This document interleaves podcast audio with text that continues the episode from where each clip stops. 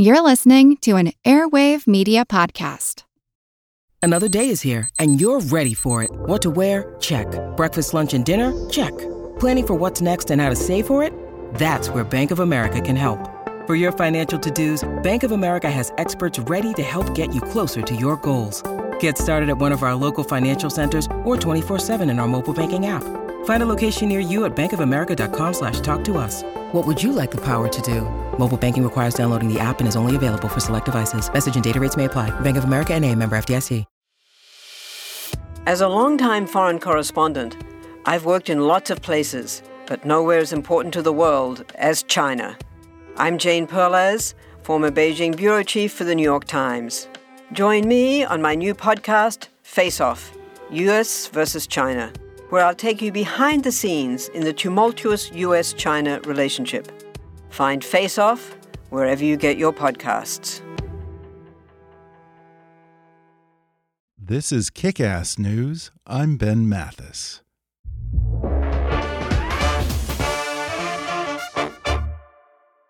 What is technology doing to us? How does it affect our ability to work, to be present, to connect to one another? Podcaster Alia Tavakolian wonders about these things all the time, and tech journalist Bob Sullivan has spent his life finding the answers. Their new podcast, So Bob, is your opportunity to ask So Bob, how can I live a better digital life? Follow So Bob on Apple Podcasts, Spotify, Stitcher, or wherever you listen. And now, on with the show.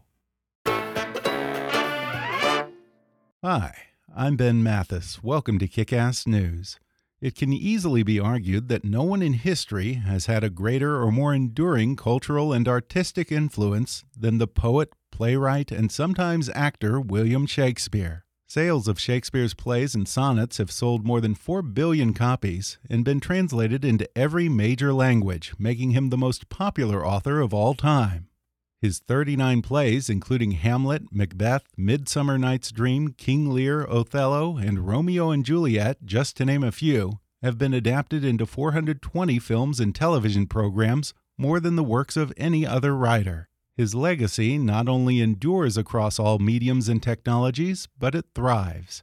And perhaps no one has a greater appreciation for the genius of William Shakespeare than actor and director Sir Kenneth Branagh.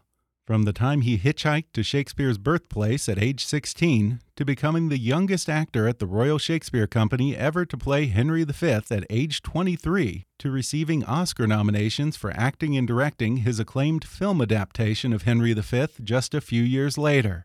Kenneth Branagh is one of the all time greatest Shakespearean actors, ranking alongside Laurence Olivier and John Gielgud, and he's the reigning keeper of the flame, having staged and starred in dozens of Shakespeare's productions and brought six of Shakespeare's greatest works to the big screen. Indeed, Branagh would be the first to admit that he owes his career to the man known as the Bard of Avon, and now he says he wanted to express his thanks with a new film about the last three years of Shakespeare's life titled All Is True. He directed, produced, and starred in the film that opens in theaters May 10th, just a few days after Shakespeare's 455th birthday. And on today's podcast, Sir Kenneth Branagh opens up about his lifelong fascination with this literary genius and what it was like to step into the shoes of his hero. He reveals why he chose to focus his film on the years following Shakespeare's retirement from the theater why Shakespeare's return to Stratford on Avon might not have been the homecoming he expected, and how a gardening project might have helped him cope with the loss of his only son. Branagh discusses the fact and fiction of Shakespeare's life and why he wasn't afraid to deviate from accepted biography and embrace the mystery around the man. He talks about teaming up with writer Ben Elton, the creator of a British sitcom about Shakespeare, how he achieved a painterly look for the film by foregoing modern digital graphics in favor of traditional matte painting, and the remarkable makeup that transformed Kenneth Branagh into the bard himself. Plus, he weighs in on the rumors that the mysterious Dark Lady in Shakespeare's love sonnets might not have been a lady at all, the sex scandals that embroiled Shakespeare's family during his final years, and the nagging speculation that Shakespeare's plays weren't actually written by William Shakespeare. Coming up with Sir Kenneth Branagh in just a moment.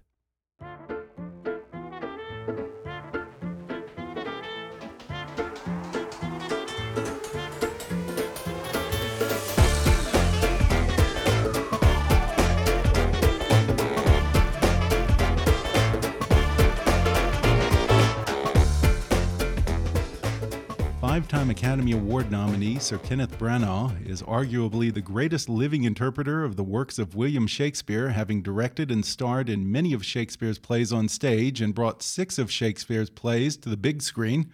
Now, at long last, he plays the Bard of Avon himself in a film which he produced and directed called All Is True. It opens in New York and Los Angeles this Friday, May 10th. Sir Kenneth Branagh, thanks for joining me. Thank you. I love the film, and you have had a lifelong relationship with the works of William Shakespeare. Oh. How far back does this passion for Shakespeare go with you? Well, it goes back to a crazy moment, really, watching a variety show on television in about 1968. Peter Sellers, the late great comedian and actor, was impersonating Laurence Olivier, who was playing Richard III, do, and he performed the lyrics of the Beatles song "It's Been a Hard Day's Night." And I remember, so it went, "It's been a hard day's night, and I've been working like a dog. It's been a hard day's night. I should be sleeping like a log." I said to my dad, "What's going on here?" He said, "Oh, that's that's Peter Sellers impersonating Laurence Olivier, who's impersonating Richard III. It's Shakespeare. It's Shakespeare." I said, "Wow." Shakespeare's weird. Shakespeare does the Beatles.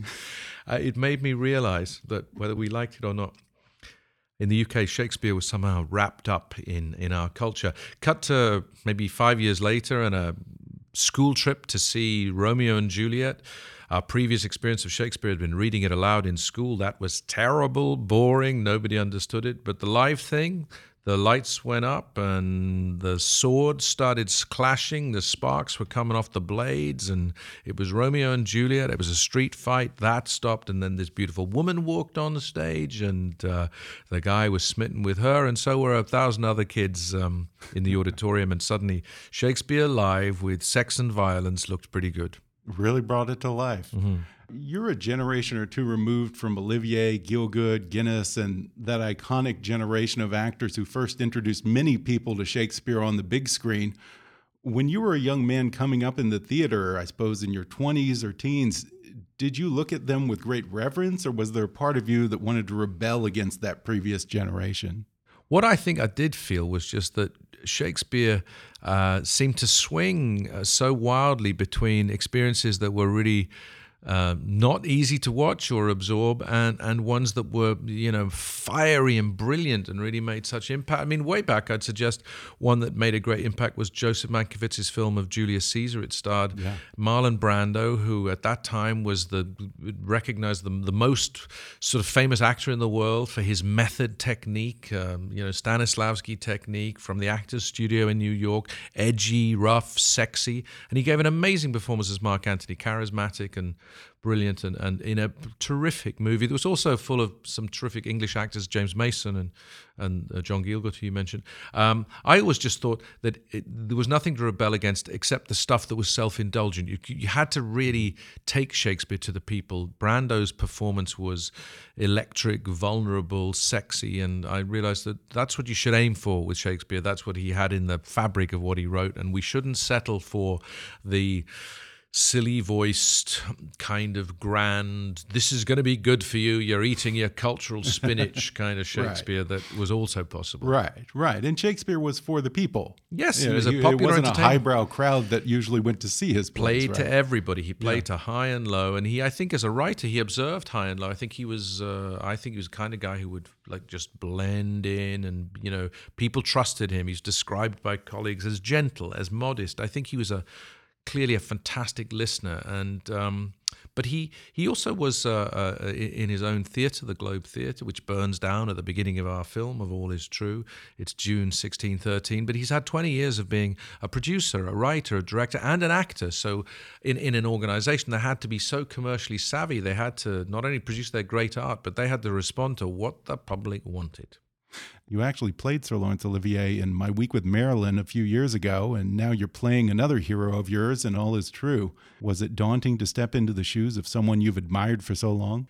In a way, it was an act of thanks. It was an act of gratitude, a debt of gratitude paid, really, because uh, some of what we've spoken about, this desire to remind people and let them enjoy and be comforted by and, and, and sort of reassured by the fact of Shakespeare's own humanity. So for me, he'd, he'd become a friend, you know, the, the, Um, the Shakespeare that I hear and feel through the work that uh, I've done, from the very moment that I hitchhiked to his hometown of Stratford upon Avon when I was 17 years old and pitched a tent a mile outside the town and went to see the places that he lived in and the plays that he wrote, I sensed a benign, a kind spirit, someone who. Um, I didn't always agree with. There are plays of his that are, you know, have unsavory elements to them uh, that are unpalatable to us these days. But in the vast majority of his work, there's a kind of consideration and a reflection on the the human condition that I find really inspiring. And um, and so he's always been a friend to me. So to play him was in a way to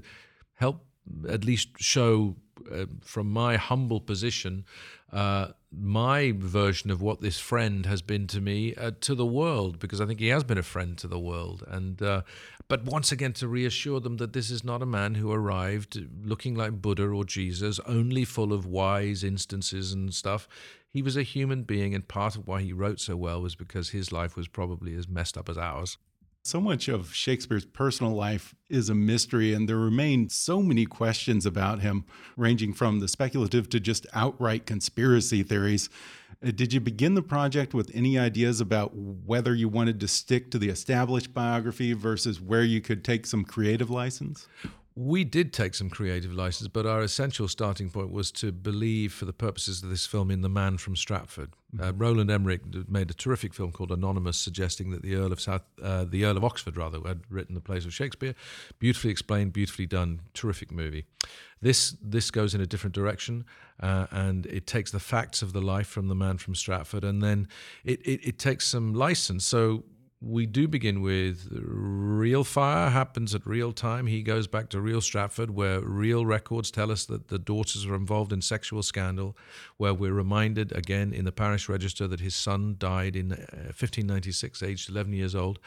And we also are aware of other things that are facts. Shakespeare dedicating the uh, sonnets that he wrote to the Earl of Southampton and his narrative poem, The Venus and Adonis, both rather extravagantly, enough to suggest that perhaps there was even a romantic quality quality to his admiration. So right. we start by um, riffing on that theme, if you like. So the idea that Southampton was a, a romantic figure from the past, and the idea that there might be a mystery behind the death of Hamnet, uh, Shakespeare's son.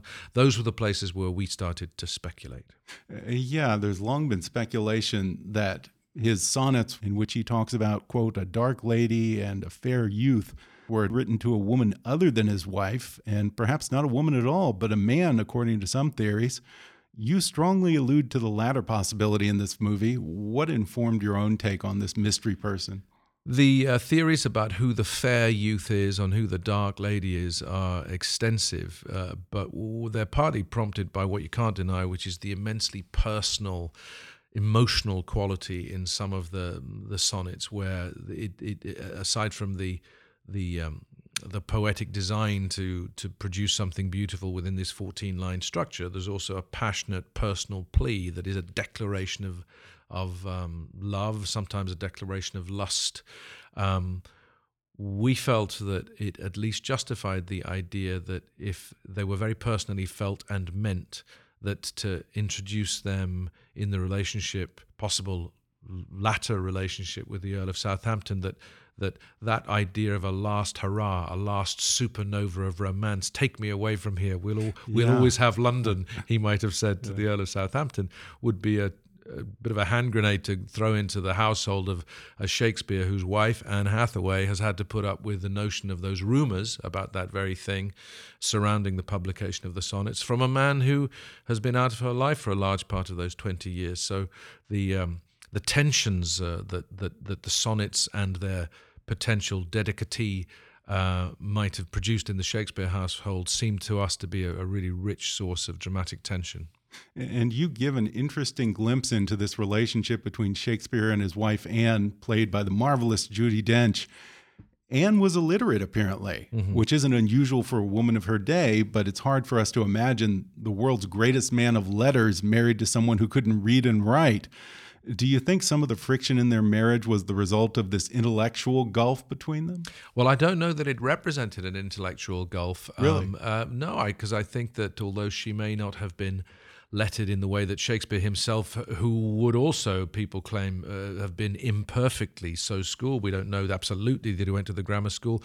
We know he had access to libraries, but but um, uh, I would I would I suppose I would say I would characterize um, the, the difference not extending to the area of intelligence. I could well imagine a shared intelligence, even if, um, and perhaps even a shared cerebral quality, but in terms of sheer intellectual heft, heft regarding access to specific ideas, he probably had the upper hand in that regard. But what Ben Elton does in his screenplay for both Anne Hathaway and for Judith Shakespeare is to give them voice, is to suggest that the uh, literally the lack of words does not imply lack of feeling, lack of complexity, lack of in in, intelligent, emotionally intelligent understanding of what a man like Shakespeare could be, who, as we suggest, comes back to a Stratford where although a local celebrity, the most famous son of the town, coming back to what you might expect to be a sort of grand homecoming, uh, this is a man who insists on buying a coat of arms that allows him to be called gentleman. His his sense of his own position, perhaps not so secure as the world yeah. might think, and this is something I think that Anne and Judith Shakespeare might very well have understood and and given as good as they got when it came to an argument about it. Yeah, I didn't realize that he had amassed a considerable fortune. And it's funny because for such a romantic, I was surprised that he placed so much stock in having financial wealth and property and servants and building up his family name and caring what other people thought about him. What do you suppose was behind that insecurity? His father was a prominent Stratford um, um, a merchant and businessman, a glove maker who became mayor of Stratford and then suffered a financial crash. Um, he was made bankrupt. There was a great um, disgrace. I think he felt that very keenly.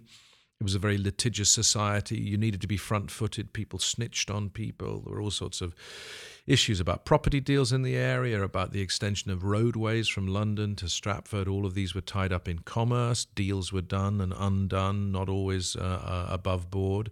And you couldn't be a moneyed person in that time and not know about them, or indeed not feel potentially insecure. So I think Shakespeare had to have a robust attitude to the realities of uh, commercial life at the time.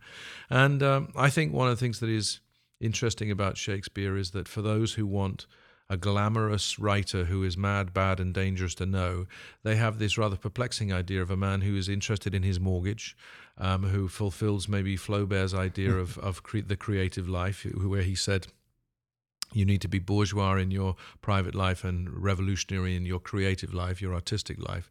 And perhaps Shakespeare fulfilled that brief, um, but it's not necessarily the way people would like their geniuses. We're going to take a quick break, and then I'll be back with more with Sir Kenneth Branagh when we come back in just a minute.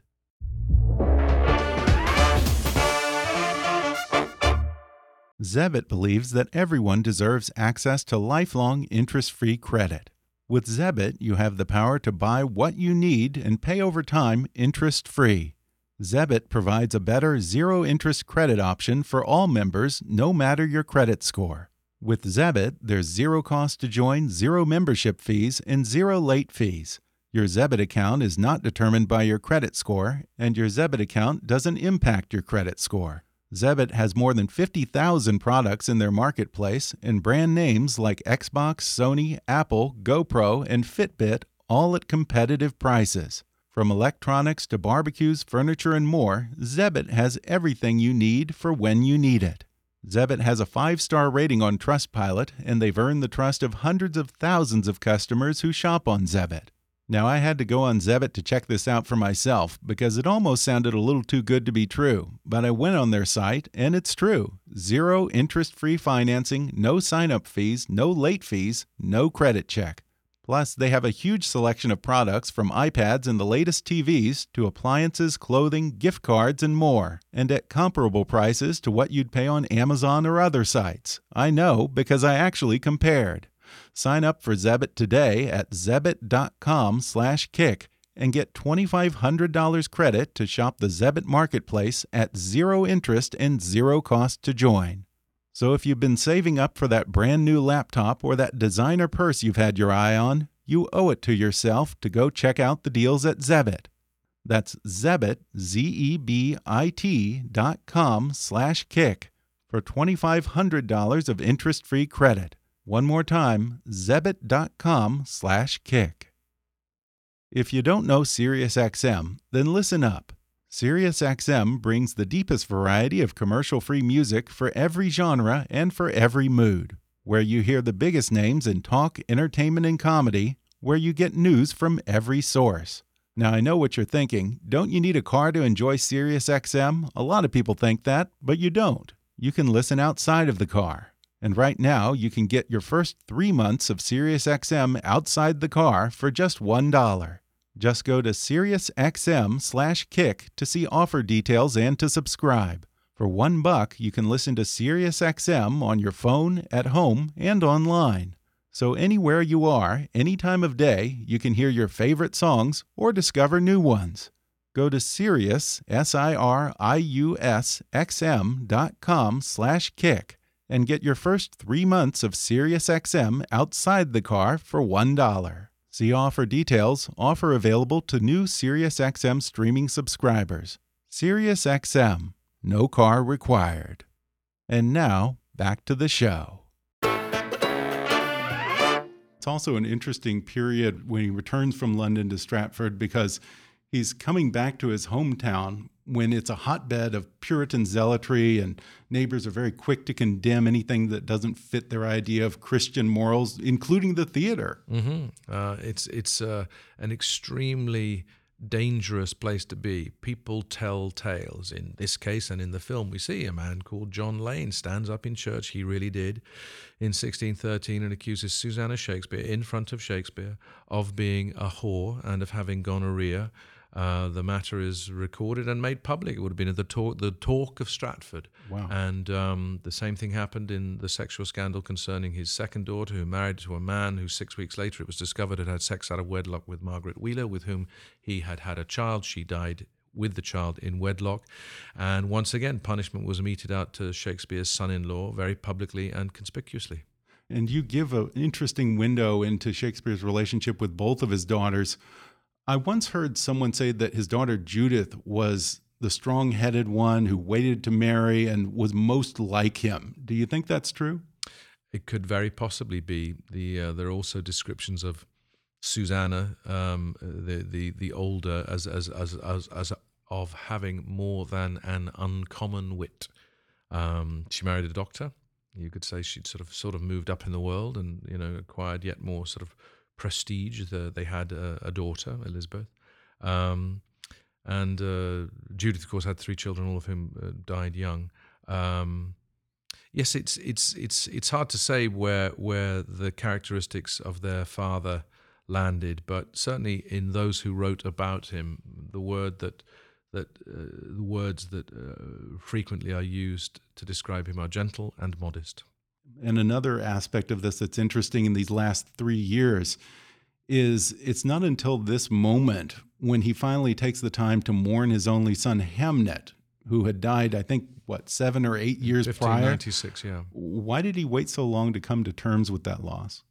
Well, I think that the scar of a lost child um, takes an age to heal. Uh, as Judi Dench's Anne Hathaway says to him, um, when he suggests that he has mourned his son, uh, and she says, Well, you mourn him now, but at the time you wrote The Merry Wives of Windsor, that Shakespeare's process was to go to work, to go creative work, perhaps for a sort of supreme distraction. And, uh, and in so doing, um, potentially suppresses, is what we suggest, uh, something that surfaces in his work. So in his plays, that which has not been processed uh, uh, arrives in, in the subject matter of a play like The Winter's Tale, or or in the way he's unable to resolve questions between father and daughter in The Tempest, or other yeah. other other late plays. It seems as as though the work was a was a sort of cathartic therapeutic place for that but once back in the home where that family have seen you only as an absentee and temporary visitor across 20 years uh, the questions about it in both directions are going to come thick and fast. It's an interesting dynamic because, again, this is seven or eight years after his death, and the family has moved on. They have grieved him, and they're finally getting their lives back together. Mm -hmm. And here he comes, and he wants to grieve all of a sudden and drag them back into that after all those years. Yes, life and and that processing was uh, was on hold for him, I suppose. And yes, one thing they stop is the idea that he will come back to uh, build in some sort of um, wise, sagacious, uh, or in their view, pompous way, a memorial garden for his son. And now, Yeah. now he has time to mourn, and this is not something they find acceptable.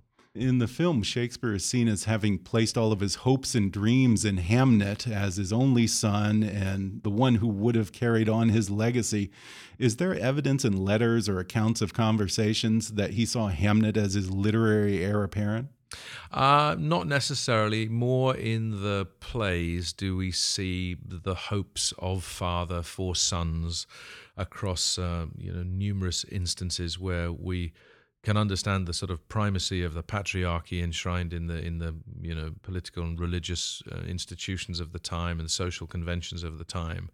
Um, but that's that's that's in in expressed sometimes in in ludicrously. Um, uh, over expectation of children, but also of, of very indulgent and, and, and loving forms of the same thing. Um, in terms of literature that talks about his uh, his family, no, we have very little that, that seems to, with the exception of a a court case in which he gave evidence, where if the deposition that's written down um, is accurate, is, is is possibly one of the few times we understand how Shakespeare spoke. But it was in a bit of litigation, so it was subject to a certain kind of legalese. But uh, otherwise, no.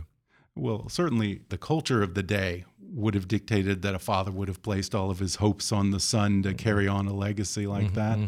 And in true Shakespearean fashion, you have Hamnet appear to him as a ghost.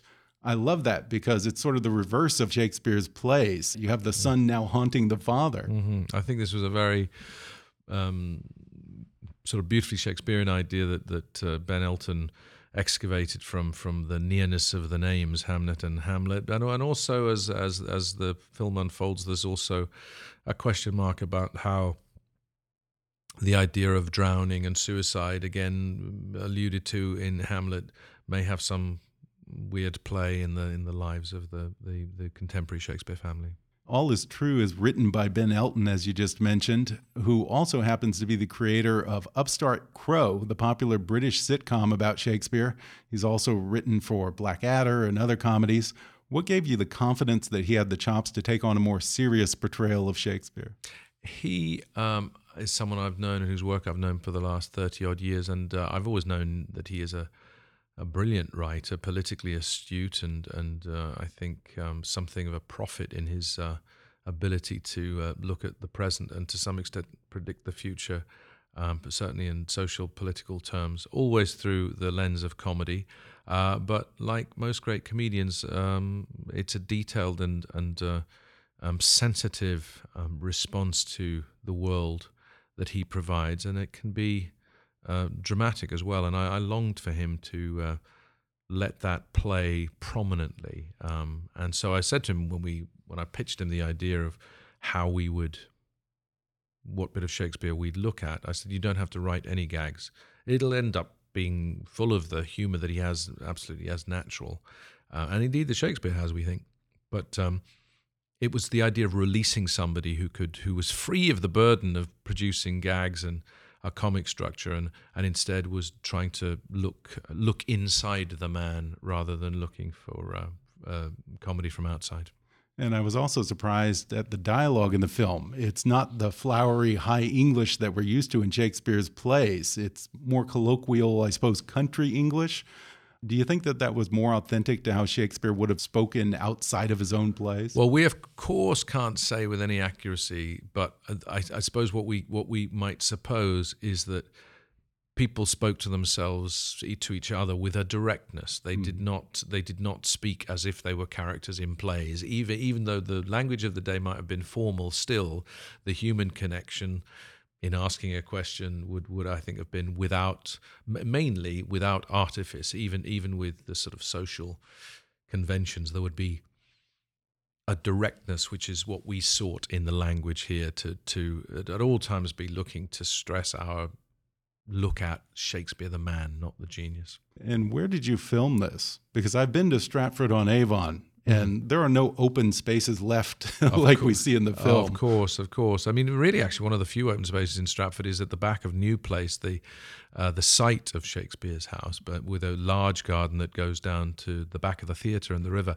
Uh, we shot near Windsor, in uh, which is uh, uh, about thirty miles, twenty five miles from London, and in a in a house of the period. So um, it was absolutely. Um, around at Shakespeare's uh, time, and we um, created our Stratford around there. And one of the things that really shines through in this movie is your appreciation for classic cinema processes. In fact, you even use matte painting instead of digital effects. Mm. You shoot the movie in cinescope. You don't overdo it with a lot of frenetic camera movement. You seem to have a real reverence for the old ways of movie making. As a filmmaker, do you mourn the fact that the digital age has overtaken so many of the techniques of film that make it film and that now we have so many people who are just watching a movie on their TV screens instead of going to the theater? I, I don't know. I, I, acknowledge that all of those things are, are uh, occurring, but I, I, I also, um, and I'm not the only one, um, enjoy so enormously the process of. Um, making cinema and going to the cinema and, and being as creative as you can with all kinds of techniques, be they digital or film techniques, uh, that um, I think there are, there are cycles in, in the way such techniques are used and in the way the imagination of filmmakers, you know, goes forward or back in, in, in using whatever might be new, novel, or even just right for any particular bit of storytelling. Um, that some of it is under threat is okay. That's just the the way of the world. It can make people like me or people like Christopher Nolan hang on for film and 65 mil and big unique experiences like IMAX. Um, these are all these are all things that uh, it's good to have people involved who've got some fire in their belly about them. And I think uh, audiences in the end will, will, will go back to them or include them in that which they like to see as long as it's good. Yeah, and I really love the look of the film. The matte painting and just the lighting of it really has a very painterly effect. Yeah, there was an intention really to have the daytime scenes um, be inspired by Vermeer and the nighttime scenes inspired by Rembrandt. Our ambitions were lofty, um, and uh, our determination to try and stick to that complicated uh, ambition, but but but simple intent, uh, w- was beautifully brought off by Zac Nicholson, our cinematographer. I can't think of a movie where you've worn as much makeup mm-hmm. as you do in this film, though. You didn't just don a fancy wig and call yourself William Shakespeare. You really committed. You transformed yourself into the man. How did you decide what you wanted your Shakespeare to look like? Well, in a way, I wanted him to look like the way the world saw him. So the famous Chandos portrait in the National Portrait Gallery in London, uh, painted, we think, by John Taylor in, in about 1608, and we think, from what evidence can be uh, accumulated, um, that Shakespeare is most likely to have sat for it. And um, what strikes me when you go and see and stand in front of that picture is the, is the liveliness in the eyes um, a teasing quality, I think, uh, provocative and wry, kind, compassionate. That's what I, I felt. Uh, but the outside was as as the world knows him, and I, it seemed to me that I wanted to get rid of me, give the world what they thought he was like, and then try and surprise by bringing the man and his inner life uh, to to bear, and, um, and, and and and and let them see the the contradiction or the juxtaposition or whatever you like to you call it between the man they're used to seeing on the tea towel um, actually be a, a living human being. Now, I want to go back to probably the most controversial question that's hung over Shakespeare this speculation that some or all of his plays might not have been written by him, but by anyone from Christopher Marlowe to Francis Bacon. There's a great scene in All Is True where Shakespeare is approached by a fan, and he seems to indirectly address some of these theories. Do you personally have any doubts as to the authorship of his works? I think it's impossible not to have uh, uh, considerations about about uh, you know what little we know. I personally love Shakespeare's elusiveness. Um, I am drawn to the idea of the man from Stratford, but it depends on where you come from. I, I come from a working class background where the idea of um, somebody coming from a so-called lowly circumstances and and attaining a sort of creative or worldly dream that seemed a very, very long way from what was possible for them uh, is a sort of uh, attractive idea. Um, I resist the idea that all art is autobiographical um, because I think um, I see in my daily work the triumph of the imagination.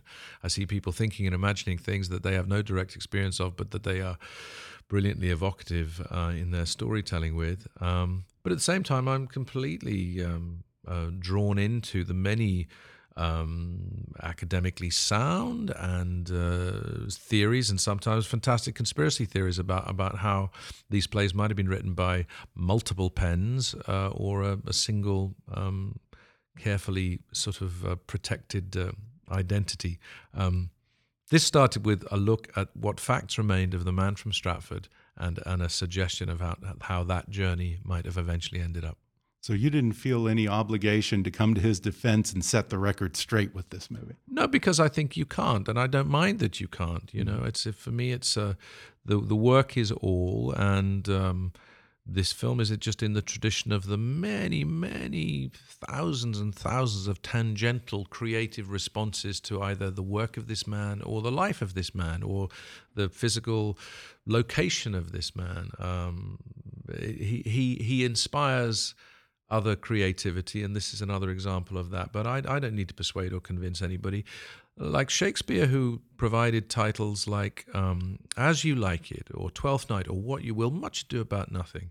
There's a sort of a whatever or a shrug in in his um, in his own output, and we we land firmly in that department when we take the very title from our film, which is the alternative title for. Um, you know, his life of Henry VIII. He couldn't possibly have known everything that he suggests does go on in that play, and yet he chooses to call it all is true. Yeah. He knows and we know that that's not the case. But uh, maybe there are different ways of thinking about truth. In these last three years of his life, it's interesting because he's he's not a particularly old man by today's standards. I think he died at 52. Yet he decides to retire from the stage. Why do you suppose he decided to do that? I think 20 years and 37 plays, uh, possibly of his own or, or other people's. Takes a toll. Huh? Uh, takes its toll. And, uh, you know, plague and fire and the circumstances of, uh, uh, you know, sanitation in Elizabethan London and uh, the diet and um, the not just his own work, but the work of every contemporary playwright was produced at the Globe. That will have been a working life of really significant mm intensity. Well, before we go, I have to ask you one non Shakespeare related question, just because I'm also a big Agatha Christie fan.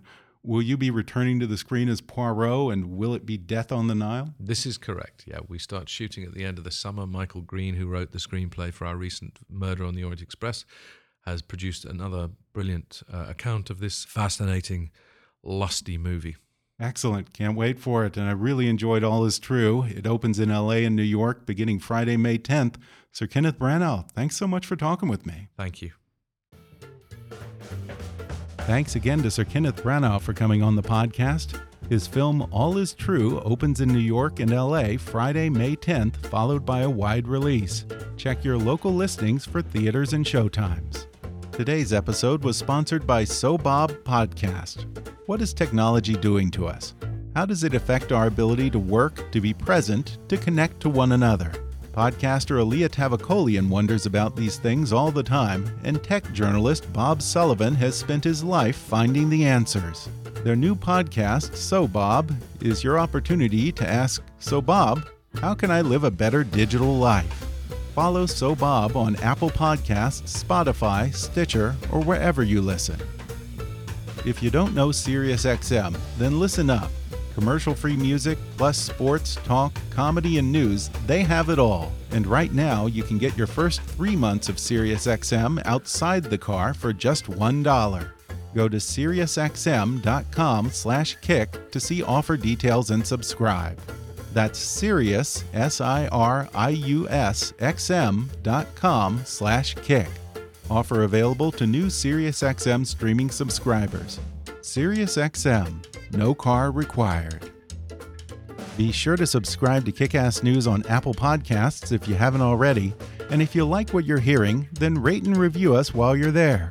Five star reviews are the easiest way for new listeners to find us. Don't forget to like us on Facebook and follow us on Twitter at, at KickassNewsPod. And feel free to email me with your thoughts, questions, and suggestions at comments at kickassnews.com. Until next time, I'm Ben Mathis, and thanks for listening to Kickass News.